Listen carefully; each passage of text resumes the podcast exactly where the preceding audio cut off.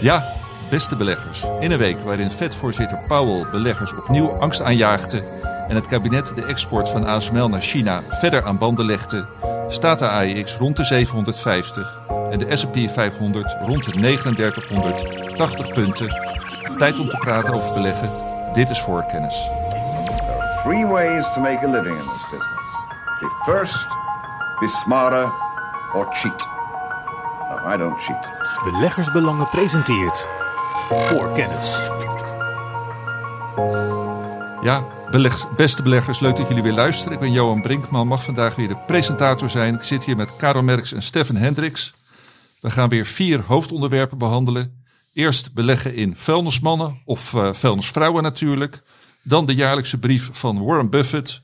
Vervolgens, wat is er aan de hand met Pfizer? Het farmacieaandeel blijft maar dalen. Tot slot de taalapp Duolingo. Dat is juist, dat juist de beste periode van vijf dagen ooit achter de rug heeft. Maar we beginnen met terugblikken. Stefan, wat is jou afgelopen week het meest opgevallen? Eh, ja, Johan, ik sla de alle grote macro dingen even over. Die schrijf ik moeiteloos door naar Karel. Die kan er vast heel veel over vertellen. Was dat de afspraak, Stefan? Eh, nou, een beetje wel. Of dat is nu de afspraak. Eigenlijk een van de twee. Maar dat gaan we zo zien als Karel terugblikt. Ik wil dat eh, een aantal eh, bedrijven eh, of bedrijfsnieuwsfeiten behandelen. Eh, te beginnen met uh, Rijnmetaal, Duitse defensiebedrijf. Vaker behandeld in de podcast. Onder andere vanwege het feit dat ze bijna naar de DAX waren gepromoveerd, maar toen op het einde nog net werden ingehaald door de Commerzbank. Dat was als vervanging van Linde, zoals we tijdens de podcast al hebben besproken. Maar nu is er ook de uh, reguliere herbalancering van de DAX-index. En nu is het wel gelukt. Zij komen nu wel in de DAX 40 ten koste van Fresenius Medical Care. Die zakken een niveautje af. En ook interessant, want ik heb de aandelen Rijnmetaal en ik heb ook de aandelen Henselt. En ook die zijn gepromoveerd van de SDAX, dus de Duitse Small Cap Index, naar de MDAX, de Duitse Midcap uh, Index. Dus dat is uh, goed nieuws voor die defensiebedrijven. En de redenen daarvoor zijn denk ik wel bekend bij iedereen. Uh, dan viel mij ook op in de Financial Times las ik een bericht over het Spaanse bouw- en infrabedrijf Ferrovial. En zij zijn bezig met een, een, een soort omgekeerde fusie. Dus uh, Ferrovial International dat um, uh, neemt eigenlijk Verofial over. En waarom is dat nou? Die Verofial International, die hebben een hoofdkantoor in Amsterdam. Door deze overname krijgt het gehele bedrijf een hoofdkantoor in Amsterdam. Daarmee wil uh, Verofial waarschijnlijk op termijn een notering aanvragen bij Euronext Amsterdam. En op een misschien iets langere termijn ook nog een notering aan de Amerikaanse beurs. Nou, dat zette veel kwaad bloed bij uh, Spaanse autoriteiten. Nou, wij kennen dat in Nederland natuurlijk. Hè, bedrijven die dreigen te vertrekken. Dat zorgt ook altijd wel wat voor uh, politieke emotie. Dus ook in Spanje, waar gekeken wordt of er misschien via wetten het, het Ferrovial wat moeilijker gemaakt kan worden om zijn hoofdkantoor te verplaatsen. Men ziet dat in Spanje als verraad aan de huidige regering. Dus ik ben heel erg benieuwd hoe dat afloopt. Wie weet krijgen we Ferrovial erbij in de... Um, nou, mogelijkwijs dan AX, want het bedrijf is er, is er groot genoeg voor. Want volgens mij hebben ze een, een marktwaarde van wel, denk ik, 19 miljard. Dus die, die zijn wel groot genoeg voor de AX. En het derde nieuwsbericht, dat hangt een beetje samen met de ChatGPT, als ik het goed uitspreek. hype, we hebben daar in beleggersbelangen nu al een paar keer aandacht aan besteed. Onder andere via een, verschillende individuele, wat kleinere aandelen. En nu kwam een van die aandelen een klein beetje terug op aarde. Dat was Soundhound AI. Een partij die cijfers bekend maakte. Dat is een heel klein bedrijf. De omzet van afgelopen jaar was ruim 31 miljoen dollar. Dus niet zoveel. Komend jaar moet dat naar de 43 tot 50 miljoen gaan. Bedrijf is um, 510 miljoen dollar waard. Maar kukelde uh, meer dan 20% na publicatie van de cijfers. Maar staat dit jaar desalniettemin toch nog 98% in de plus. En dan, dat zegt denk ik alles wat je zou moeten weten over die AI-ontwikkelingen. Um, dus niet uh, per definitie een uh, buy the dip momentje? Nou, ik heb geen idee. Ik blijf meestal een beetje weg van dit soort hype-aandelen. Maar er zijn ongetwijfeld mensen die dat beter kunnen timen. En die er echt heel veel geld over niet hebben. Ja, zeg jij uh, zonder enige ironie, denk ik. Zeker, nee, ja, ik zeg, ja. nooit iets met ironie. Nee, precies. Karel, uh, dan uh, macro-economisch zijn de verwachtingen nu hoog gespannen. Ja, maar ik kan het heel eenvoudig uh, uitleggen en zo spannend is het niet. De afgelopen keren bij voorkennis heb ik elke keer gezegd dat het mij opvalt hoe snel de inflatieverwachtingen wel niet aan het toenemen zijn. En afgelopen week was het voor uh, Jerome Paul genoeg dat hij heeft uh, gezegd van de rentetarieven zijn waarschijnlijk hoger in de toekomst dan dat ik eerder verwacht had. Ja, en dat was het belangrijkste nieuws. En wat zag je gebeuren in, in een paar weken tijd? Dachten we eerst dat de rente 4,5% zou zijn in december 23. En nu is het uh, 5,5%. Dus we krijgen extra renteverhogingen uit de Verenigde Staten. En de, en de vraag is van, is dat uh, genoeg om de inflatie onder controle te houden? Ja, en uh, jij stelt die vraag. Weet je ook het antwoord? Nou ja, er is één hele grote variabele wereldwijd. En dat is China. Uh, drie jaar lang een hele strenge lockdown uh, gehad. En ik uh, zat toevallig een podcast vanochtend te luisteren. En iemand die omschreef het als een, een, een strandbal die je dan onder water houdt. Dat hebben we natuurlijk in het westen hebben we ook gedaan. Dan laat je hem los, dan vliegt die bal eruit. Weet je, en China is een hardere lockdown geweest dan hier in het westen. En nog een keertje langer dan in het Westen. En de Chinezen hebben echt een heleboel geld gespaard. Dus daar zou wel eens een economische, laat ik het voorzichtig zeggen, upswing kunnen ontstaan. Ja, en dat zorgt natuurlijk wereldwijd ook voor het toenemen van de inflatie. Maar de Chinezen allemaal grondstoffen nodig hebben voor economische activiteiten. Die Baltic Dry Index staat ook 120% hoger in minder dan een maand tijd. Dus ik denk, of het genoeg is, weet ik niet. Maar het is wel een heel erg interessant uh, krachtveld om te, om te volgen. Ja, hey, en altijd wordt gezegd, uh, hogere inflatie, hogere rente is slecht voor aandelenbeleggers. Maar ja, als je naar de beurs afgelopen week kijkt, oké, ze kregen een tikkie, maar alles bij elkaar blijft het toch, althans uh, in Nederland, maar ook volgens mij voor de rest in Europa en zelfs in de VS wel redelijk liggen. Ja, klopt. Kijk, en de reden is dat, ze, dat ze mooi in het Engels zeggen, de Fed en de BCB zijn behind the curve. En misschien zijn ze de curve wel uh, een beetje kwijt. Als je bijvoorbeeld kijkt naar uh, de kerninflatie, die is in Europa en in de Verenigde Staten een procent of 5, 6. Terwijl uh, beide rentes daaronder liggen. En als je bijvoorbeeld kijkt in de periode 2000 tot 2008 lag altijd de rente van centrale banken ruim boven de kerninflatie. Dus we hebben nog steeds wat dat betreft een negatieve rente. En een negatieve rente is heel erg positief voor aandelen. Ik denk dat we pas moeten gaan oppassen op het moment uh, dat de rente dus boven de kerninflatie uitstijgt. En hebben we dus zoals zo heet een, uh, een positieve rente. Als je dan kijkt naar een periode dat we een positieve rente hebben gehad, zoals in de jaren 70, dan was dat uh, dramatisch voor aandelen. Maar we hebben nu nog een, een negatieve rente, wat betekent dus dat iedereen die, die spaart geld verliest. En dat is heel erg positief voor aandelen. Helder. Wil jij nog op andere dingen terugblikken? Ja, zeker. Ik uh, was van de week heel erg blij. Want maandag uh, eh, 6 maart heb ik voor de eerste keer uh, in 2023 had ik een nieuwe all-time high in mijn portefeuille. En de belangrijkste bijdragers kwamen daardoor de CME Group, Duolingo, Rijnmetaal en de stijging van de Italiaanse rente waar ik op inspeel. En dat ik op zich niet verwacht. Want ik had mijn, uh, mijn sector in mijn portefeuille. Is de oliesector. En die presteert uh, helemaal niet. Maar op zich maakt het mij niet uit uh, waar het vandaan komt. ik ben een gelukkig man, Johan. Ja, en, en een rijk man hoor ik. Dat in ieder geval, ik hoop rijker dan gisteren en armer dan morgen. Ja, nou Karel, dat heb je hier mooi gezegd. Wij gaan snel naar het eerste hoofdonderwerp toe. Voor kennis. Ja, de vuilnisbranche. Gaan we niet eventjes terugblikken in het blad, Johan? Dat vind ik altijd uh, ja, een van de ik, leukere ik wist, onderwerpen. Dat ik vergeten was, want ik heb uh, altijd voor dit eerste onderdeel heb ik 15 minuten staan en we zijn nog uh, genezen op 10 minuten.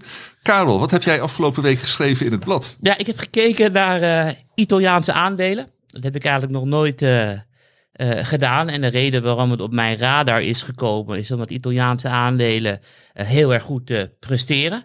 En afgelopen maandag uh, had de Italiaanse aandelen nog 1,6% nodig om naar de hoogste koers te stijgen van de afgelopen jaren.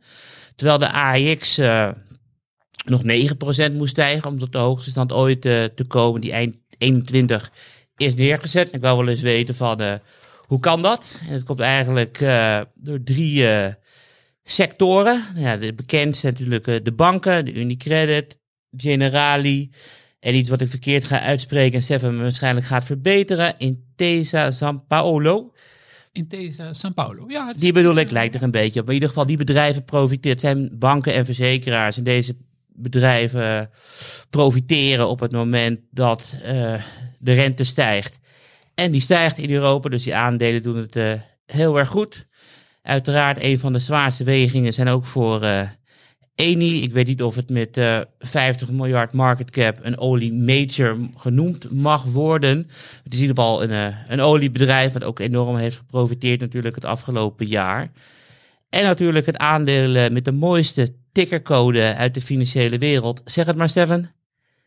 eh, ik blijf even stil. Eh, race, R-A-C-E, oh, van, Ferrari de, natuurlijk.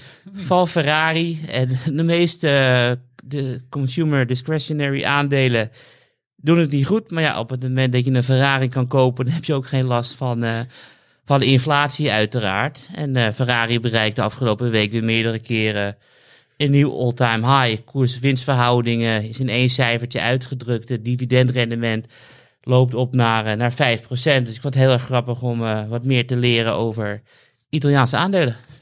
Ja, en eh, ja, mensen die dit eh, graag willen lezen, die eh, kunnen dat uiteraard in beleggersbelangen lezen. Stefan, wat is van jouw hand verschenen deze week in dit mooie blad? Nou, nog niet zo heel veel, omdat ik net van vakantie terugkwam. Dus eh, één ding, beurs en economie. En het onderwerp daarvan sloot aan bij het onderwerp van Vero Fial, waar ik op terugblikte. En dat heeft te maken natuurlijk met het vertrek van een aantal bedrijven, of het voorgenomen vertrek vanuit Europa naar de beurs van Amerika.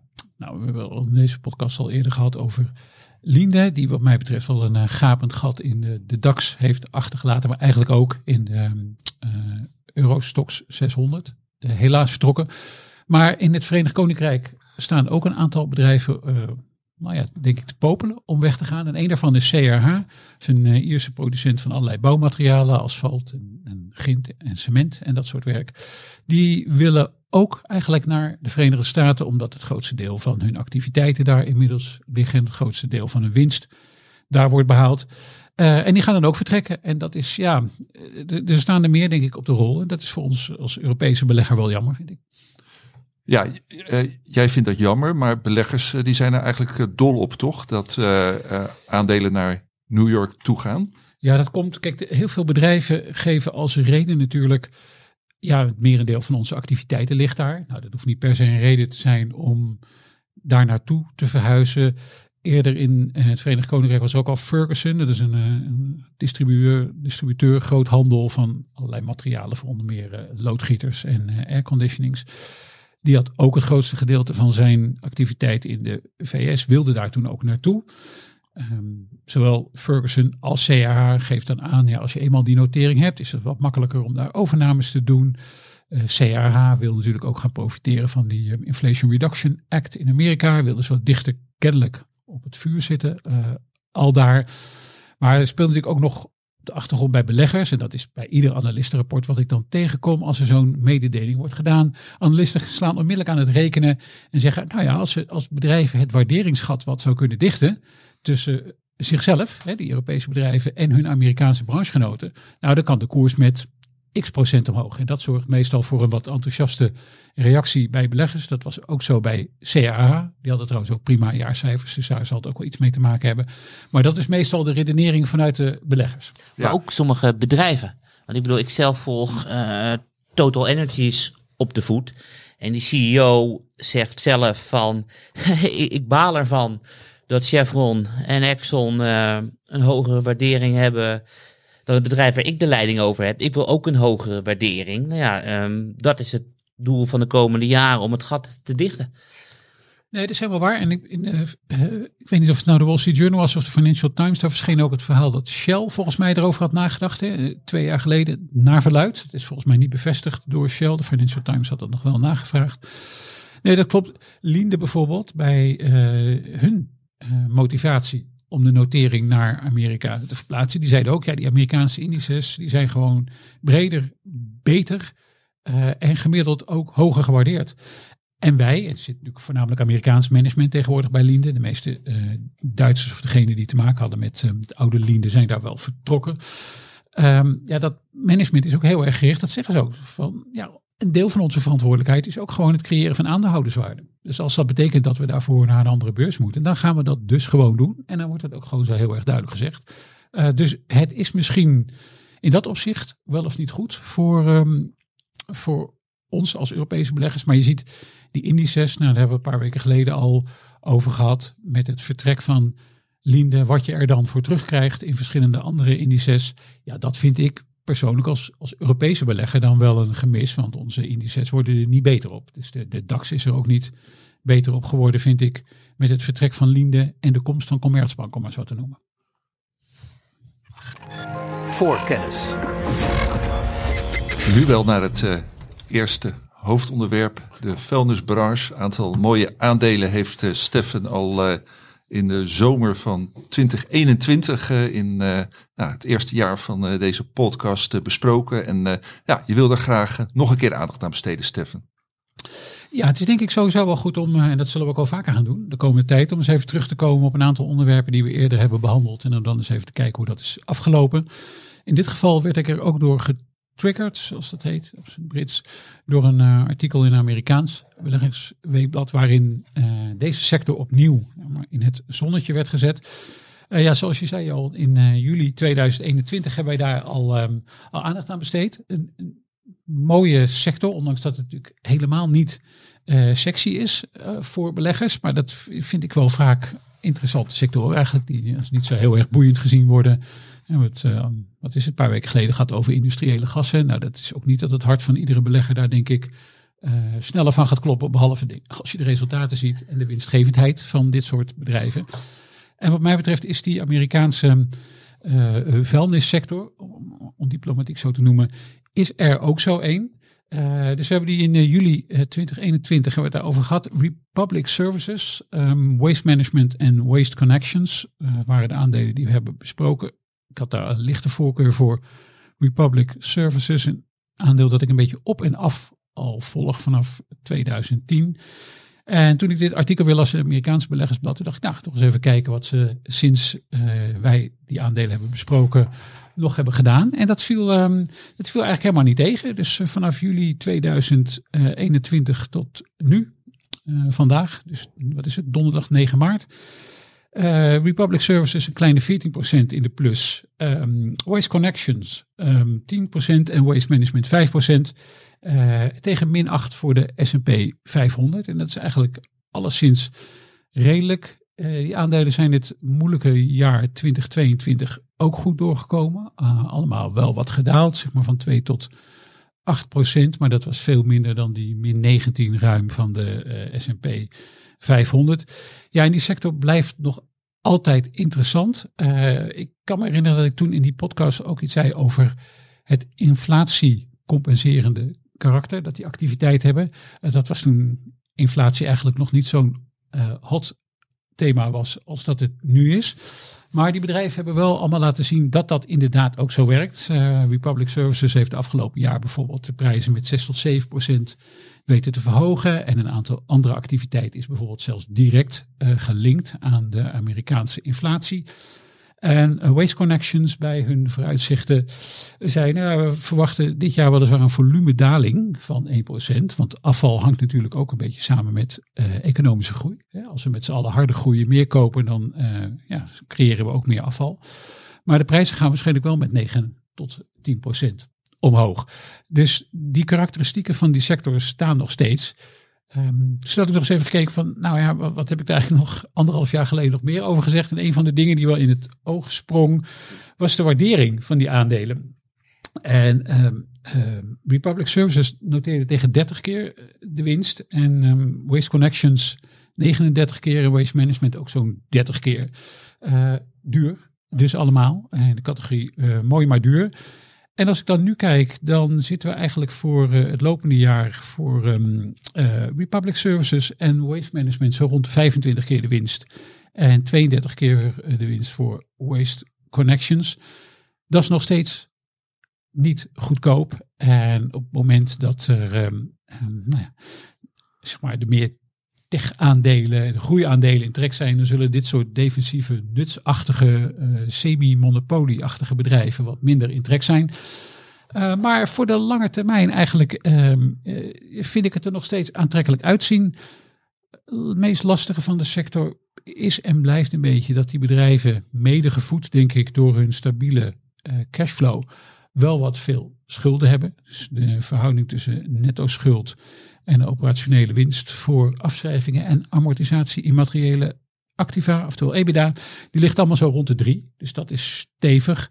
Maar ja, het cashflow genererend vermogen is, is heel erg hoog. De contracten die ze hebben afgesloten zijn nog steeds heel erg aantrekkelijk. Er zit een inflatiecomponent in. Dus ehm, ja, ik, ik was geïnteresseerd in deze sector en ik uh, blijf er nog steeds geïnteresseerd in. Ja, want je zei dat, uh, of je vertelde dat uh, deze bedrijven hun ja, gestegen kosten kunnen doorberekenen aan hun klanten. En wie, wie zijn dan hun klanten? Zijn het overheden allemaal? Nee, niet allemaal. Dus dat is in Amerika is dat anders geregeld. De overheden, uh, dat klopt. Dat is één van hun klanten. Veel lokale overheden hebben het dan over. Maar het uh, kunnen ook bedrijven zijn of zelfs individuele huishoudens waarmee contracten worden afgesloten. Dus um, die, die activiteiten zijn redelijk gespreid. Het is niet één uh, partij waar ze uh, de zaken mee afgesloten hebben. Bij Republic Services zijn die activiteiten ongeveer nou, redelijk gespreid. Vier, vier categorieën. Oké. Okay. En zijn deze bedrijven actief alleen in de Verenigde Staten of ook internationaal? Nee, die zijn voornamelijk actief in de Verenigde Staten. Ja. En dan uh, ja, zijn er Europese tegenhangers van deze bedrijven? ja, we hebben Menno, zei voordat de podcast begon Karel Renewy, hè? Uh, in um, uh, uh, het voormalige Van Gansenwinkel. Dat klopt, dat men het over, ja. Um, dan heb je als onderdeel van Veolia, dat Suez heeft overgenomen, daar zit volgens mij ook nog een deel in vuilnisophaal. Maar en misschien dat er in het Verenigd Koninkrijk nog eentje genoteerd is. Maar specifiek bedrijven helemaal gericht op uh, dit terrein. En van deze omvang, want we hebben het ook allemaal over stevige bedrijven met een uh, beurswaarde echt allemaal van, uh, van 35 tot 60 miljard dollar. Ja, dat is wel een Amerikaans fenomeen. Ja, en ja, het lijkt me best een, een groeimarkt, omdat nou, de wereldbevolking maakt steeds meer zooi, want we zijn ook met steeds meer. Um, gaan deze bedrijven ook internationaal opereren op een gegeven moment naar, naar andere werelddelen bijvoorbeeld? Als ik naar de strategieoverzichten kijk, dan is internationale expansie niet hetgeen waar die bedrijven mee bezig zijn. Wat je wel ziet is dat er veel meer naar duurzaamheid wordt gestreefd. Dus recycling van bepaalde producten. Dat geeft over, dat is een beetje een, een, uh, een, een uh, iets wat zowel positief als negatief is, eigenlijk voor die sector. Of kan zijn in ieder geval. Want als je bijvoorbeeld kijkt naar gerecycled karton, uh, dat is een van de producten die uh, door deze bedrijven dan worden geproduceerd. Ja, daar variëren de prijzen natuurlijk heel erg van. En die prijzen zijn in, nu al een tijd heel erg dalende. Dus dat levert dan een stuk minder op. maar tegelijk proberen ze natuurlijk uit hun eigen afval ook weer energie op te wekken. Dus, dus wat je ziet eigenlijk is dat, die, dat er veel meer aandacht in hun strategische presentaties gaat naar, naar duurzaamheid. Dat is denk ik niet zo verwonderlijk, want dat is natuurlijk een thema dat voor uh, veel beleggers van belang is. Veel meer dat thema nog dan uh, het, zeg maar, het internationaliseringsthema. Oké, helder. Karel, je had het net over je eigen privéportefeuille en de toppers daarin dit jaar. Zitten ergens in die portefeuille ook dit soort aandelen? Nou ja, ik, er zit er niet in. Het is wel in 2021 door Stefan uh, op mijn radar uh, gekomen. Maar ja, koers-winstverhoudingen van 30 à 40 uh, maken me altijd uh, redelijk voorzichtig.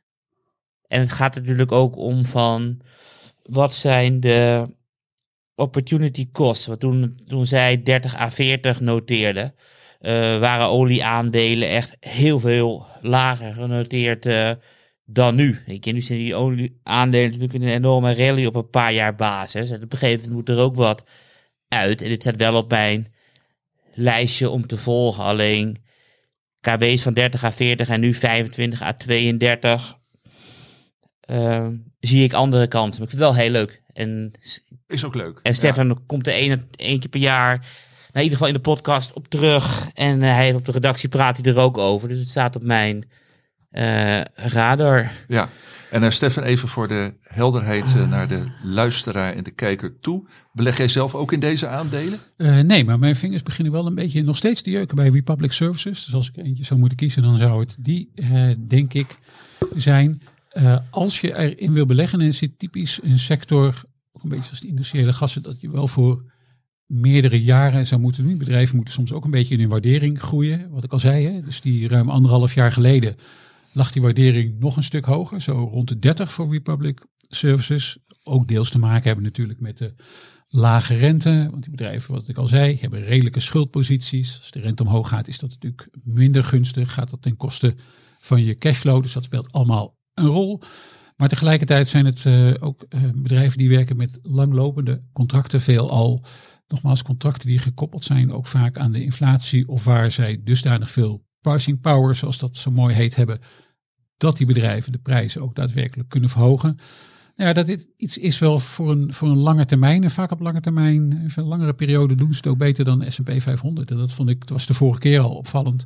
En over de afgelopen anderhalf jaar bijvoorbeeld, is het ook wel weer opvallend dat ze het ook zoveel beter doen, beter blijven liggen. En toch nog een zekere, ondanks die onvoorstelbaar hoge waardering, nog wel een zekere defensieve kwaliteit met zich meebrengen. Oké, okay, ik denk dat we er uh, over een jaar of anderhalf jaar wel weer een keer op terugkomen. Zeker. Voor kennis. Ja, dan gaan we nu in uh, 10 minuten proberen te, te, proppen. Althans, dat had Karel proberen. Een, een, man over wie boeken zijn volgeschreven. Waar we beleggingspodcasts bij duizenden over zijn volgepraat. Warren Buffett heeft weer een nieuw epistel geschreven. En Karel, jij hebt daar de belangrijkste feiten uitgehaald. Klopt, alleen het was wel zijn kortste brief in uh, 44 nou, jaar tijd. Dan doen we hem in vijf minuten, Karel. Als je naar het aantal, uh, aantal tekens kijkt, dus die man wordt ook al wat ouder. En uh, af en toe gaat hij heel erg los, af een jaar wat minder. Maar er zaten genoeg interessante dingen in. Hij is trouwens, zijn eerste brief schreef hij in, in 1959 al. Het is verplichte kost voor de beleggers om ze allemaal te gaan lezen. Eerst is hij wel uitgetypt op een typemachine, dus het kost wel, het leest wat minder makkelijk weg dan een uh, computer. Maar wat ik wilde vertellen is, uh, hij vertelt een aantal, hij noemde het de secret sauce, dus laat ik het noemen het geheime recept van beleggen. En Warren en Charlie vinden een groeiend dividend een van de mooiere dingen die er bestaat. En hij geeft dan een voorbeeldje met, uh, met Coca-Cola. Want hij heeft tussen 1987 en 1994 voor 1,3 miljard dollar aan aandelen uh, Coca-Cola gekocht. En sindsdien is het dividend uh, elk jaar omhoog gegaan van Coca-Cola. En daarom ontving hij vorig jaar 704 miljoen dollar aan dividend. En dit betekent dus dat op basis van het aankoopbedrag hij een dividendrendement heeft van, van 53 uh, procent. Verwacht dat het bedrag, percentage in de toekomst verder zal gaan stijgen. Het is wel heel erg leuk hoe dan Menno lekker op dividend aan het hameren is en, en Buffett ook. Dus het zijn niet de eerste de beste die dat roepen, dus ik vertrouw hem volledig. Ik, Wat ik dan wel grappig vind, Karel, is dat, dat hij zelf geen dividend uitkeert. Uh, nee, klopt, klopt. Uh, en uh, dat is hetzelfde punt van dat hij zegt van, ik ben een van de rijkste ter wereld. En omdat ik een van de rijkste ter wereld ben en beter kan beleggen dan wie dan ook, keer ik op dit moment 0 euro uit, of 0 dollar uit aan goede doelen. Want ik wil alles maximaliseren in mijn leven. En daarna geef ik mijn familie zoveel dat ze dus uh, nog wel moeten blijven werken, alleen dan, uh, dan zonder zorgen. Dus dat is ook punt met Berkshire. Hij zegt, hij kan het beter beleggen dan uh, de beleggers van Berkshire. Dus hij koopt gewoon eigen aandelen in. Ja, en hij heeft een track record, dus ga maar tegen hem in. En dat is ook de reden waarom hij zoveel meer geld heeft dan Munger. Die, en Munger steunt wel goede doelen. Mm. Maar snap ik nou dat hij uh, straks heel, of tenminste dat hij heeft geregeld dat hij na zijn overlijden heel veel naar goede doelen gaat? Ja, ja, gewoon ja. merendeel. Want hij wil niet dat zijn familie zoveel geld krijgt dat ze nooit meer wat hoeven te doen. Dus, uh, nou ja, ik bedoel, met een miljard hoef je nooit meer wat te doen. Hij heeft meer dan 100 miljard. Ja. Dus die 100 miljard gaat naar goede doelen. En een gedeelte daarvan gaat naar de, uh, het goede doel van, Eh, Bill en Melinda Gates. Jana Gates, ik wou zeggen naar eh, de Melissa en Gates, maar die zijn natuurlijk uit elkaar. samen? Dus En daarom, dus ik dacht van, denk van, hé, die zijn gescheiden natuurlijk. Dus daar- ja, klopt. En hij zegt van op lange termijn zullen uiteindelijk de dividendverhogingen, de koers zullen de dividendverhogingen volgen. Dus die 1,3 miljard is nu aangegroeid tot eh 25 miljard. Volgende lessen. Volgende les. eh, hij was eh, ehm, harder eh, dan ooit in, in zijn brief. En normaal is het iets voor, voor Munger en niet eh, eh, voor Buffett. In de Verenigde Staten is er nu een discussie aan de gang dat het eh, inkopen van eigen aandelen eh 100% eh, slecht is. Dat bedrijven dat die moeten doen, dat de CEO eh eh, verrijkt en dat de belastingen omhoog moeten eh en dergelijke. Dus hij zegt, ja, als dat jouw mening is, dan ben jij een, hoe noemde hij het ook alweer? Ik had het ergens opgeschreven, een analfabeet, een, e- oh ja, een economische analfabeet. Dat vond ik op zich ook wel grappig. Ehm, Maar waarom vindt hij dat dan? nou ja, kijk, omdat het, hij ziet het als het eh, double compounding eh, effect. Want op het moment dat bijvoorbeeld Apple eigen aandelen inkoopt en Berkshire koopt eigen aandelen in en ze doen het beide onder, een, eh, onder de intrinsieke waarde, dan, dan creëert het juist waarde. Omdat de winst per aandeel omhoog gaat. Je koopt te goedkope aandelen op. Dus dan eh, wordt de rest van het bedrijf wordt, eh, wordt rijker. Dus eh daar ben ik op zich wel eh, met hem eens. En daarnaast stond de nieuwsbrief ook vol met allemaal eh, feitjes. En ik zelf hou ook altijd wel van, eh, van leuke feitjes. Dus in de S&P 500 zitten op dit moment eh, 127 bedrijven die meer dan eh 3 miljard winst eh, per jaar maken. En acht van deze bedrijven is Berkshire eh, met stip eh, de grootste aandeelhouder. En hij heeft ook nog een aantal niet beursgenoteerde bedrijven die meer dan 3 miljard eh, beursgenoteerd zijn. Dus hij zegt van, ik ben het meest gediversifieerde bedrijf van de Verenigde Staten. En eh, dit zijn mijn eigen woorden, want hij zit van de drankjes van Coca-Cola tot aan de olie van Chevron. En van de treintjes van BNSF tot aan de financiële diensten van eh, Bank of America. Dus veel gespreider eh, is niet mogelijk. En daarnaast blaast hij ook heel enthousiast van de toren dat hij de grootste belastingbetaler van de Verenigde Staten is. Ze hebben 32 miljard vorig jaar overgemaakt naar de Amerikaanse overheid. En daarvoor is eerst in de geschiedenis is één iemand eh, of één bedrijf, één identiteit verantwoordelijk voor één eh, duizendste van de Amerikaanse belastingopbrengsten. Nou, dat is zeker een, eh, een feit. Jeetje zeg. Ja. Ja, en daarnaast wil ik ook nog dingen benoemen die ik gemist heb. Die jij gemist hebt? Ja. Oké. Dus Ja, ja, dat gaat, je- nou moet, nou moet eh, Warren moet goed luisteren wat eh, hij de volgende jaar in zijn brief moet zetten. Want eh, daar gaat Karel hem aanvullen en Nou ja, suggesties doen. Hij gaat sowieso gaan beleggers niet wachten tot volgend jaar, maar in, in mei is de aandeelhoudersvergadering. Dan gaan Buffett en Munger zes uur lang of vijf à zes uur lang eh, vragen van aandeelhouders beantwoorden. En deze twee vragen gaan sowieso eh, voorbij komen. Dat is onder andere voor vlak voordat eh, inflatie en rente begon te stijgen, dus eh, twee jaar geleden. Toen zei hij van, eh, nou ja, rente eh, voor de aandelenmarkt, dat moet je vergelijken als eh, zwaartekracht eh, voor een appel. Maar ja, hij heeft helemaal niks gezegd eh, over rente. En daarnaast heeft hij in deze brief gezegd dat eh, hij en, eh, en Munger geen eh, stokpikkers zijn, maar ze kiezen echt eh, de mooiste bedrijven uit. Niet voor een paar jaar, maar gewoon eh, nog veel langer. Terwijl ik dan denk, wat heeft hij gedaan in het eh, derde kwartaal van vorig jaar? Dus heeft hij voor vele miljarden aandelen gekocht eh, aan de Taiwanese chipmaker eh, TSMC. En daarvan heeft hij bijna alles afgelopen jaar kwartaal verkocht. Dus is hij een half jaar heeft hij daarin gezeten. Ik ben heel erg nieuwsgierig eh, waarom hij miljarden in een aandeel stopt en dan weer miljarden eruit trekt. Wat is er de afgelopen twee kwartalen veranderd bij eh, TSMC? Is het iets van de chipsector? Is het geopolitieke eh, spanningen? Dus ik ben heel nieuwsgierig hoe je daar eh, op ingaat bij de aandeelverhoudersvergadering, die geloof ik 5 mei is. Ja. Nou, eh, ik denk de podcast eh, daarna, na 5 mei, een goede gelegenheid eh, om op die eh, vragen terug te komen? Sowieso, maar ik, ik raad echt aan, eh, het is altijd op een, eh, op een zaterdag, wat Buffett zegt. Beleggingsbeslissingen moet je in het weekend nemen, want dan kan je niet eh, met emotie reageren op de koers. Dus neem die zaterdag vrij en ga gewoon lekker vijf à zes uur met lekkere hapjes naar Buffett en Munger luisteren. Het is echt een, een aanrader. Ze zijn ook allebei verschrikkelijk grappig. En, en af en toe zijn die opmerkingen van Munger zo, zo hard soms, dat ik ze niet eens in deze podcast durf te herhalen. Dus eh, het is wel heel Nou, leuk. ja, en eh, Karel, de eh, link naar de, de brief waar we het net over hadden, kunnen we die in de, in de show notes zetten? Oh, deze zetten we in de show notes, maar ik zal ook alle brieven de- vanaf 1959 in de show notes zetten. Want het is heel erg interessant dus om te kijken van ja, wat is dit jaar in de hand? Inflatie, nou ja, je zoekt gewoon periodes van inflatie op in de jaren 70 en je leest wat Buffett daar dan over zegt. Dus we zullen de hele een link naar de hele, ja, hoe zeg je dat? Bibliotheek of plaatsen. Ja, archief. op, eh, Archief. op eh, belbel.nl slash voorkennis. Eh, toch, Karel? Yes. Voorkennis.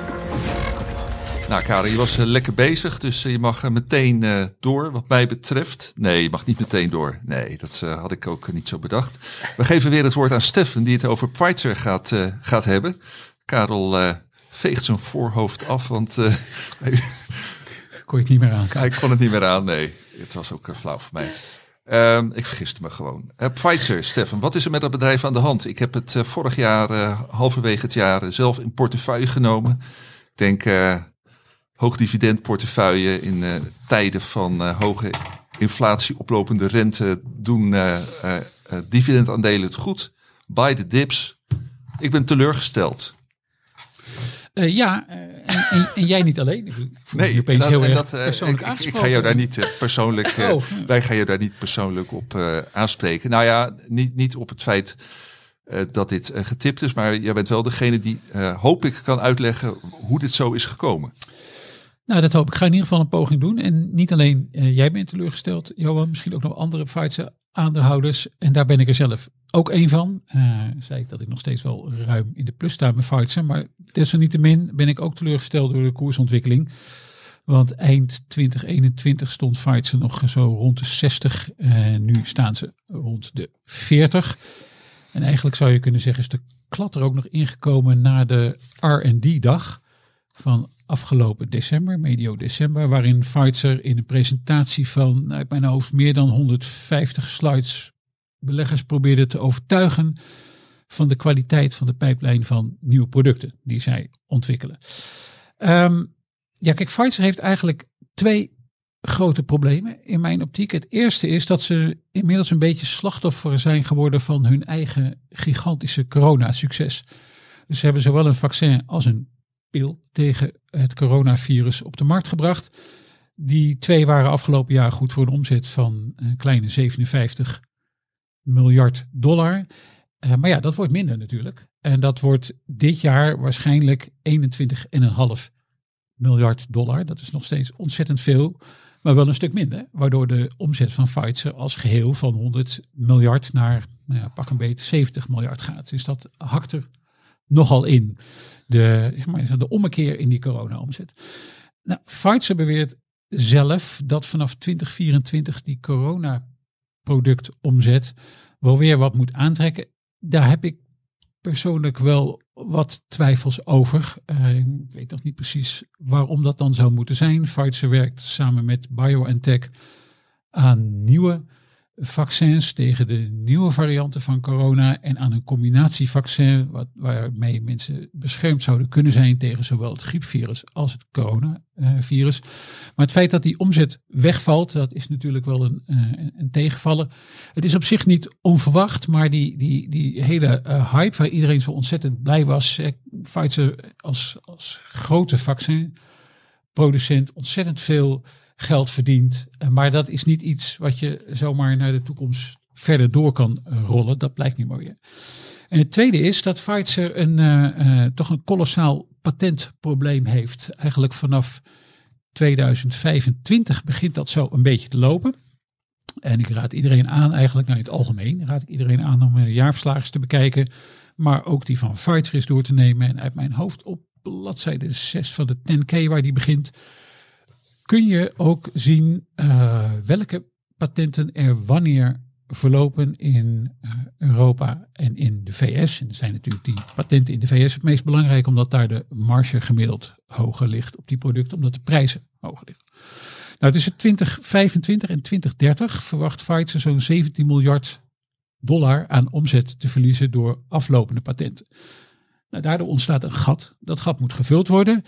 Uh, en Pfizer zegt, nou een deel, uh, we gaan flink wat vullen met omzet uit producten die we nu al hebben of die we de komende 18 maanden op de markt gaan brengen. Dat is een, miljard of 20. En wij verwachten ook nog eens een keertje door aankopen te doen dat we daar nog eens 25 miljard dollar aan omzet bij kunnen kopen. En uiteindelijk in 2030 moet Pfizer dan weer een omzet hebben van 70 miljard. En dat is eigenlijk een beetje de omzet die ze nu ook hebben.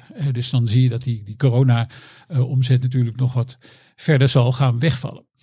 Maar er is wel een beetje sepsis over of Pfizer eigenlijk dat allemaal wel kan gaan bolwerken. Met name over die, uh, ook die omzet uit die overnames. Pfizer zegt van, nou, van die 25 uh, miljard denken wij dat we aan extra omzet die we willen realiseren, denken we dat we al ongeveer voor 10 miljard hebben aangekocht. Dat is al toekomstige 10 miljard, hè? want dit is allemaal gerekend vanaf 2025. En Pfizer heeft nogal, uh, uh, nogal wat uitgegeven, ongeveer 26 miljard de afgelopen anderhalf à twee jaar aan een vijf, vijftal overnames. En dat stopt nog niet. Uh, dus Pfizer zal blijven overnemen. Op zich kan dat ook wel. Het bedrijf heeft een uh, ongelooflijk sterke financiële positie. Dus hebben een schuld van zeg kleine 33 miljard, maar ook liquide middelen van 22,7 miljard. Dus dat is op zich niet het probleem. Het probleem is natuurlijk dat, dat Pfizer producten aankoopt die nu nog niet die omzet hebben, maar die omzet moeten gaan krijgen. En recent werd Pfizer ook weer in verband gebracht met een Amerikaans biotechbedrijf, Seagen. En dat is een, een, een, bedrijf dat zich specialiseert in oncologieproducten, onder andere tegen lymfeklierkanker en blaaskanker. Dat zou op zich geen slechte overname zijn qua activiteiten, omdat Pfizer ook op oncologiegebied te maken krijgt met een aantal forse patentverliezen. Dus je zou kunnen zeggen, nou, dat maakt op zich wel sens om dat te doen. Maar ja, heeft de beurswaarde nu al van 33 miljard. En zal de komende jaren, als Pfizer dat gaat overnemen, nog niet echt bijdragen. Dus die, die weg naar hè, wat Pfizer dan weer het succes noemt, die, uh, die 70 miljard minimaal omzet in 2030. Dat is een weg die ligt vol met onzekerheden. En Pfizer heeft niet het allerbeste track record als het gaat om het ontwikkelen van nieuwe medicijnen uit eigen stal. Er wordt een heleboel wordt er aangekocht. Dus je ziet dat er ontzettend veel sepsis is rond dat uh, aandeel. En ik heb een tijd lang de winst van Pfizer, de winst per aandeel, uit kunnen splitsen. Omdat Pfizer daar ook wat enige indicaties over gaf. Tussen het coronadeel en het niet-coronadeel. Um, ja, kijk, die, die patentverliezen zijn 17 miljard. Hè, dus uh, vanaf 2025 tot 2030. De huidige omzet van niet-corona-producten van Pfizer, om een beetje een beeld te geven van hoeveel dat is, dat is uh, 43,6 miljard. Dus er valt nog al wat weg. En er moet door Pfizer nog wel wat, nou maar zeggen, bijgebeiteld worden. Um, en dan is de, de waardering wel heel erg laag, want het aandeel zit in de hoogdividendportefeuille. Het heeft een dividendrendement van 4,1% bijna. De koers-winstverhouding is nog geen 12 inmiddels van Pfizer. Maar ik heb het volgens mij wel vaker gezegd, maar wat, wat een beetje aangeeft waar je als aandeelhouder rekening mee moet houden, is dat ondanks het feit dat Pfizer onvoorstelbaar veel cash genereert, het dividend maar met 2,5% verhoogd is. Dus van, eh, het ging van 40 eh, cent per kwartaal naar 41 cent. Nou, dan weet je denk ik als aandeelhouder genoeg. Uh, dus de prioriteit van Pfizer ligt de komende tijd gewoon op het uitgeven van geld aan overnames. En dat komt niet naar jou toe.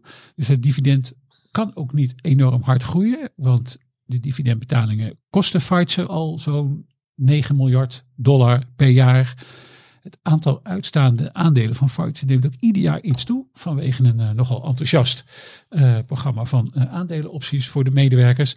Ja, dat alles bij elkaar maakt Pfizer, en dat is een term die ik vaak tegenkom in de rapporten van analisten over Pfizer.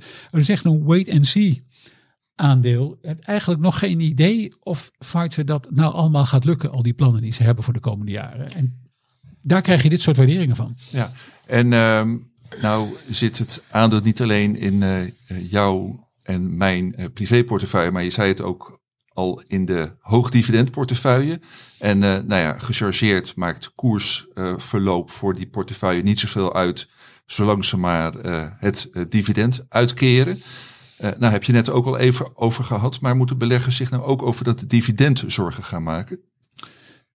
Nee, dat, dat valt eigenlijk nog wel mee. Dus de operationele cashflow. Fights had natuurlijk afgelopen jaar een topjaar. Hè, dus toen was de operationele cashflow meer dan 29 miljard dollar.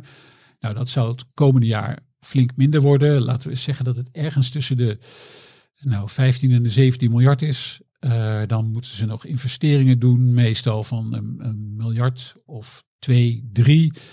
Dan, nou even grover, als het is een beetje achterkant van een uh, bierveeltje berekening. Maar dan hou je een free cashflow over van, nou ja, pak een beetje ergens 12, 13, 14, 15 miljard. Daar kan dat dividend nog wel uit. Maar je ziet nu dus al een beetje dat het dividend dus niet heel erg hard kan groeien voor alle plannen die Pfizer heeft. Want je kunt natuurlijk als bedrijf wel iets meer schuld aannemen en daarmee je dividend wat meer verhogen. En de balans van Pfizer heeft in principe alle ruimte om daar nog wat schuld op te zetten. Dat is totaal het probleem niet. Uh, die schuldpositie kun je ook allemaal netjes opzoeken in het jaarverslag. Dat is allemaal redelijk verdeeld. Die terugbetalingen de komende jaren. Fights hoeft zich tot en met 2025 helemaal niet druk te maken over uh, enorme terugbetalingen aan lange termijn schulden. Dus dat is niet het probleem. Maar het geeft wel een beetje aan dat het niet zo heel snel kan groeien. Omdat Fights natuurlijk ook heel erg kijkt naar hoe die, uh, niet alleen hoe die coronaproducten zich gaan ontwikkelen, maar ook maar de, wat men dan voortdurend de base business noemt, hè, dus de, uh, alle, alle niet-corona activiteiten. Ja, dat groeit niet zo hard. Was afgelopen jaar viel maar dat echt tegen. Het was maar een paar procent. Dit jaar zegt Pfizer dat het 7 tot 9 procent zou moeten groeien. Nou, dat lijkt mij best optimistisch, maar we zullen het, uh, we zullen het gaan zien. Dus ik maak me niet echt zorgen over het dividend. Uh, maar ik ben me er wel van bewust dat de prioriteit van het management is op dit moment wat anders dan dividend verhogen of aandelen inkopen. Dat aandeleninkoopprogramma is ook gestopt. Pfizer wil gewoon een aantal gaten vullen en gaat daarvoor overnames doen. Dat is eigenlijk wat het management nu wil. Dus die twee grote uh, gaten die, die gaan vallen in corona-omzet en in patentverlies, dat moet goed gemaakt worden. En ik denk als je nu een positie inneemt in het aandeel Pfizer, dan is dit iets wat je moet beseffen. Oké, okay, uh, bedankt voor je heldere uitleg, Stefan. Voorkennis. Nou, heel, uh, heel ander uh, aandeel, Duolingo taalapp. Uh, wat, wat doen ze, Karel? Waarom heb je het getipt? En uh, hoe heeft het sinds die tijd uh, zich ontwikkeld? Nou ja, het is een van de bekendste, misschien wel de bekendste talenapp die er is. Ik bedoel, als ik erover praat op de redactie, dan zegt Stefan, een van mijn kinderen leert bijvoorbeeld Zweeds via Duolingo. Dus volgens mij... Vakantievoorbereiding. Vakantie hoeft niet echt uitleg, want iedereen komt die app wel tegen. Uh, afgelopen vijf dagen, of twee dagen geleden, had Duolingo zijn beste vijf handelsdagen ooit. Die vijf dagen daarvoor. Toen steeg het aandeel met uh, 43 procent. Ik denk dat daar twee belangrijke redenen voor zijn. De eerste is dat zij doen waarvan zij vinden dat de gebruiker uh, het nodig heeft en niet naar uh, geschreeuw luisteren. Dus om even een voorbeeldje te noemen. In 2022 was een hele grote wijziging. Want vroeger kon je zelf bepalen welke taallessen jij ging doen. En opeens in 2022 mocht de gebruiker niet meer bepalen welke les hij ging doen. Maar kreeg hij verplicht een les voorgeschoteld. Ja, mensen houden niet uh, van veranderingen. Dus alle fora van Duolingo stonden helemaal vol met klagende gebruikers. Dus het Duolingo, we hebben geen zin in deze negativiteit. We stoppen de fora. Dus we hebben allemaal van de website uh, gegooid. En toen gingen mensen pas echt los van hallo, we kunnen niet eens meer klagen. En uh, we gaan op andere websites klagen. Kijk, en de, de CEO, Louis von A, die zei... Er zijn uh, drie dingen belangrijk uh, voordat ik een, uh, een update gaat doorvoeren. De eerste is dat de gebruiker uh, meer moet leren van die update uh, van een taal. Dus via kunstmatige intelligentie, algoritmes wordt ook gemeten van ja, hoe snel ga je vooruit, hoe goed ben je in de taal. Dus een update moet er altijd voor zorgen dat je sneller leert en beter leert. je moet meer minuten leren en de omzet moet omhoog. En dat testen ze dan bij een aantal gebruikers. En als het werkt, wordt het over een steeds groter bereik uitgerold. Ja, ondertussen ging de koers van boven de 200 naar, uh, naar 80 ongeveer. wat mensen zeggen van ja, hij praat onzin. Toen dacht ik van nee, ik, ik, ik heb die app ook. Ik heb mensen gebeld. Wat doe je? Vind je het leuk? Vind je het niet leuk? Zet je, zeg je pro-abonnement wel uh, of niet op? Nou, heel veel mensen zeiden ik vind het niet leuk, maar het is veel leuk om mijn pro-abonnement uh, op te zeggen. Dus dacht ik van oké, het is gewoon heel erg mooi om het te tippen voor beleggersbelangen en zelf een privépositie uh, in te nemen. Ja, want ze hadden dus nogal wat uh, reputatieschade, klanten die wegliepen. Nee, klanten die zouden weglopen. Klanten die zouden weglopen, sorry Karel. Alleen die zijn nooit weggelopen. Nee. Want toen kwamen de kwartaal... klanten. En toen kwamen de eind februari de kwartaalcijfers uit. En daar bleek dat het aantal betaalde gebruikers over de afgelopen twaalf maanden met 67% is gestegen. En het groeit altijd zo'n 60 à 70 procent per jaar de betaalde gebruiker. En er was werkelijk helemaal niks uh, van te merken. Um, nou ja, en op het moment dat mensen wat denken, en het is niet zo, dan spuit de koers natuurlijk omhoog. Daarnaast komen een aantal leuke nieuwe updates uit uh, in 2023. Neem even een slokje, Karel. Zeker. En de leukste daarvan vind ik dat er nu ook een uh, uh, Max-abonnement komt. Want ze hebben een deal gesloten met OpenAI. En ze gebruiken al sinds 2013 kunstmatige intelligentie, maar de OpenAI kan het nu nog verder uh, worden opgevoerd. je krijgt eerst altijd kreeg je te horen van als je een, eh, een fout maakte in een taal, uh, dat het fout was en je kreeg de juiste oplossing. En nu is het kunstmatige intelligentie algoritme zo goed dat je gaat vertellen van waar jouw denkfout zit, waarom je dit foute antwoord gegeven hebt. Dan krijg je veel betere uh, feedback. En er komt ook een, uh, een rollenspel beschikbaar. Dus ja, op het moment uh, dat het live wordt, heb je een heleboel fanatieke mensen zoals ik die meteen een upgrade. Uh, ja, wat moet ik me voorstellen bij een rollenspel in dit geval? Ja, je gaat, je gaat, dan zegt bijvoorbeeld het algoritme van, van goeiedag. En dan zeg jij goeiedag, hoe gaat het? En dan praat hij dan gewoon terug. Maar dan kan je dus wel veel uh, die antwoorden en vragen vinden op basis van wat jij zegt. Dus nu heb je gewoon voorgeprogrammeerde lessen die je moet leren. Maar als je gewoon wel tegen, tegen Duo, die grote groene uil, zegt van heb je gevoetbald vandaag? Dan krijg je gewoon een antwoord van nee, ik heb niet gevoetbald. En dan kan je gewoon een gesprek aan. En daardoor leert het algoritme beter waar jij fouten maakt in een taal. En dan worden je lessen daar weer uh, op afgesteld. En waar ik ook heel erg onder de indruk was uh, bij de kwartaalcijfers, uh, zijn de streaks. En de streak is van hoeveel dagen achter elkaar jij gespeeld hebt. En de CEO meldt dat we nu op 3 miljoen mensen wereldwijd zijn die de afgelopen 365 dagen elke dag gespeeld hebben. En ze, het kostte acht jaar om van, uh, 1, nou, van 0 naar 1 miljoen te gaan. En uh, 21 maanden om van 1 naar, naar 3 miljoen te gaan. Dus mensen komen ook uh, steeds meer terug. En uit eigen ervaringen kan ik zeggen hoe verslavend een streak is. Want als ik gespeeld heb op een dag, dan krijg ik dus weer een, een nieuw streak number. Ik zit nu op 1180 dagen dat ik achter elkaar gespeeld heb. En er zijn uh, zelfs uh, eh, 122.000 mensen wereldwijd met een nog veel langere streak. En het record staat uh, vandaag op 3709. En echt zo'n substantieel deel van deze verslaafden gaat een, een Duo Max abonnement nemen. Dat ik denk van, ja, ik ben blij dat de markt begint in te zien uh, wat ik uh, voor de lezers van Beleggersbelangen en uiteraard mezelf uh, eind vorig jaar gezien heb. Ja, als je, als je geen streak hebt, dan krijg je een mailtje van Duolingo dat ze teleurgesteld zijn. Klinkt een beetje als een soort ouder van we zijn niet boos, maar we zijn een beetje verdrietig.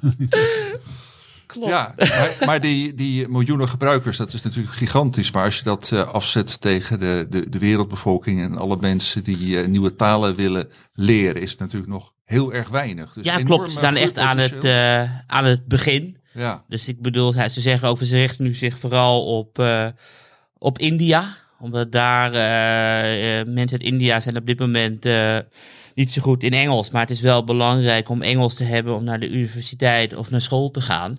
Dus die zijn echt eh, massaal aan het pushen om hun eh, Engels te laten leren. En het werkt ook. Ja, en werkt het nou bij die taalapps ook net als bij eh, social media dat je uiteindelijk toch maar één, hooguit twee partijen hebt die overblijven? Ja, kijk, ik heb geen eh, idee. Ik zag laatst een, eh, een marktaandeel staatje van Duolingo en, en ze groeien altijd. En de rest van de markt eh, krimpt of blijft gelijk. En ik denk dat er één partij over is, helemaal omdat ze al sinds 2013 met kunstmatige intelligentie bezig zijn. En die app werkt zo fijn dat ik totaal geen eh, behoefte heb om ergens anders te gaan kijken. En op een gegeven moment, als je echt een taal goed wil leren, heb je natuurlijk eh, een leraar nodig. En nu zegt de CEO van ja, weet je, misschien dit jaar, anders volgend jaar is onze app zo goed, dan kan je ermee praten, krijg je feedback. Dan kunnen we ons gewoon meten aan een leraar. En ik weet dat kunstmatige intelligentie, omdat je gewoon miljoenen mensen hebt met datapunten, dat die zich sneller ontwikkelt dan een eh, gemiddelde leraar. Dus ik heb heel erg eh, vertrouwen in de toekomst. Er zijn ook allemaal nieuwe apps aan het ontwerpen. Dus ik denk van, hé, hey, taal is één belangrijke, maar wat eh, bijvoorbeeld wiskunde en rekenen. Ik bedoel, daar is nu een, een app voor gelanceerd. Dus ik heb er wel, wel vertrouwen in. Ja. Alleen het lastige is natuurlijk wel, ik laat het advies op opkopen staan, omdat ik heel erg enthousiast ben over de toekomst. Alleen het leuke is natuurlijk op het moment dat iedereen iets ziet wat jij niet ziet, dan kan je natuurlijk nog eh, eh, redelijk snel een mooi rendement halen. De komende maanden zal het niet weer met de 50 à 100 procent omhoog spuiten, sowieso niet. Nee, helder. Eh dankjewel eh, Karel. En eh, we gaan eh, ook dit artikel in de show notes zetten op belbel.nl slash voorkennis. En we gaan naar de Voorkennis. afsluiting toe. En eh, afsluiting is altijd eh, waar gaan we op terugblikken. Karel, je was nu wel zo lekker bezig dat je meteen door mag gaan. Dat, eh, ja, morgen Ja, vooruit- twee vooruitblik, dingen. hè, Johan, was het? Vooruitblik, sorry. Ja, dat, eh, ik ben zelf ook zo enthousiast dat ik eh, allemaal fouten maak. Maar eh, jullie weten wat ik bedoel. Ja, ja, geen enkel eh, probleem. Morgen vrijdag eh, banencijfers. Ik vind het altijd al interessant. Ik vind ze nu eh, Amerikaanse banencijfers misschien wel interessanter eh, dan ooit. Omdat er gewoon duidelijk eh, inflatie is gekomen in de dienstensector. Dat betekent risico op loonprijsspiraal. Ik ben heel nieuwsgierig van wat de uh, aantal gecreëerde banen in de Verenigde Staten zijn. Hoe de werkweek zich heeft ontwikkeld. Hoeveel uren mensen gewerkt hebben. En vooral komen mensen naar de arbeidsmarkt of gaan mensen weg? Want de arbeidsparticipatie ligt nog steeds eh, behoorlijk lager dan voor COVID. Ja, en minder mensen betekent eh, meer oververhitte arbeidsmarkt. Nou ja, we weten hoe belangrijk dat is. En daarnaast eh, is dus vannacht de laatste persconferentie van meneer Kuroda, voorzitter Je doet de nacht van donderdag op vrijdag. ja, klopt. De voorzitter van de Japanse Centrale Bank. Eh, de langzittende voorzitter moet ik eigenlijk zeggen, want nooit iemand eh, zo lang gezeten. En Japan heeft nog altijd het meest eh, extreme monetaire beleid op de wereld. Dus ze hebben yield curve control. Als de 10-jaarsrente boven de 50 basispunten uitzet, dan wordt balans met een ongelimiteerde limiet ingezet om die rente weer onder de 50 basispunten te krijgen. Nou ja, je hebt de hoogste looneisen sinds geloof ik 50 jaar in Japan. Ik ben heel nieuwsgierig eh, hoe hij eh, afscheid gaat nemen. Ja, Eh, nou wij ook. En u kunt het ook allemaal lezen, beste luisteraars. Steffen, jij blikt natuurlijk ook weer op een en ander vooruit. Ja, volgens mij, Karel, hebben we ook volgende week de CPI-cijfers in de VS. Dat Ja, gaat aanstaande klopt. dinsdag. Klopt, ook vergis. belangrijk. Inflatiecijfers. De inflatiecijfers, nou, dat, eh, die eh, eh, zorgen ook nog eh, natuurlijk voor veel beweging op de financiële markten. En ik kijk verder uit aanstaande donderdag, de 16e. Dan komt Rheinmetall met zijn definitieve cijfers. Duits defensiebedrijf waar, eh, disclaimer nogmaals, eh, eh, ik een positie in heb. En Karel inmiddels ook, als ik me niet vergis. Ja, klopt. Jij voor 80, ik voor 217. Er verschil moeten zijn, dat thuis altijd. Ehm, ehm, en een aantal dingen wordt daar wel, wat mij betreft, wel interessant. In het, de afgelopen conference calls met analisten. Uh, was topman werd hij iedere keer iets minder positief eigenlijk over hoe snel de orders nou doorkwamen. Dus kort na de oorlog en, en de Zeitenwende in Duitsland uitgesproken door bondskanselier Scholz toen was er de hoop bij dit soort bedrijven dat, het, dat die orders snel zouden komen, dat ze snel aan de slag zouden kunnen. En die hoop die liep iedere keer eigenlijk een beetje terug. En er was wel redelijke frustratie bij de uh, topbestuur van Rijnmetaal en de, en de CEO. Die af en toe als frustratie een heel klein beetje de vrije loop liet. Wel op zijn Duits, is heel beleefd, maar je kon het tussen de regels door heel erg goed lezen. Dus ik ben heel erg benieuwd of dat nu uh, anders is, of er nog andere bottlenecks zijn, bijvoorbeeld bij grondstoffen of bij aantallen uh, mensen. En of die orders nu wel door gaan komen. En dat is nogal belangrijk natuurlijk voor de uh, winstvooruitzichten. Henselt heeft bijvoorbeeld zijn autonome groeivooruitzichten mooi opwaarts bijgesteld. Ook Saab heeft dat recent gedaan. Dus ik ben heel erg benieuwd of um, Rijnmetaal ook iets gaat zeggen over niet alleen het lopende jaar, maar ook nog eigenlijk over de, de drie, vier jaren daarna. Oké, okay, uh, dankjewel Stefan, dankjewel uh, Karel voor deze interessante bijdrages weer. Uh, bedankt luisteraars en kijkers voor weer een ruim een uur luisteren. volgende week zit ik hier met Menno van Hoven en Hildo Laman. U kunt zoals altijd vragen mailen naar voorkennis.beleggersbelangen.nl. Dus gewoon tot volgende week.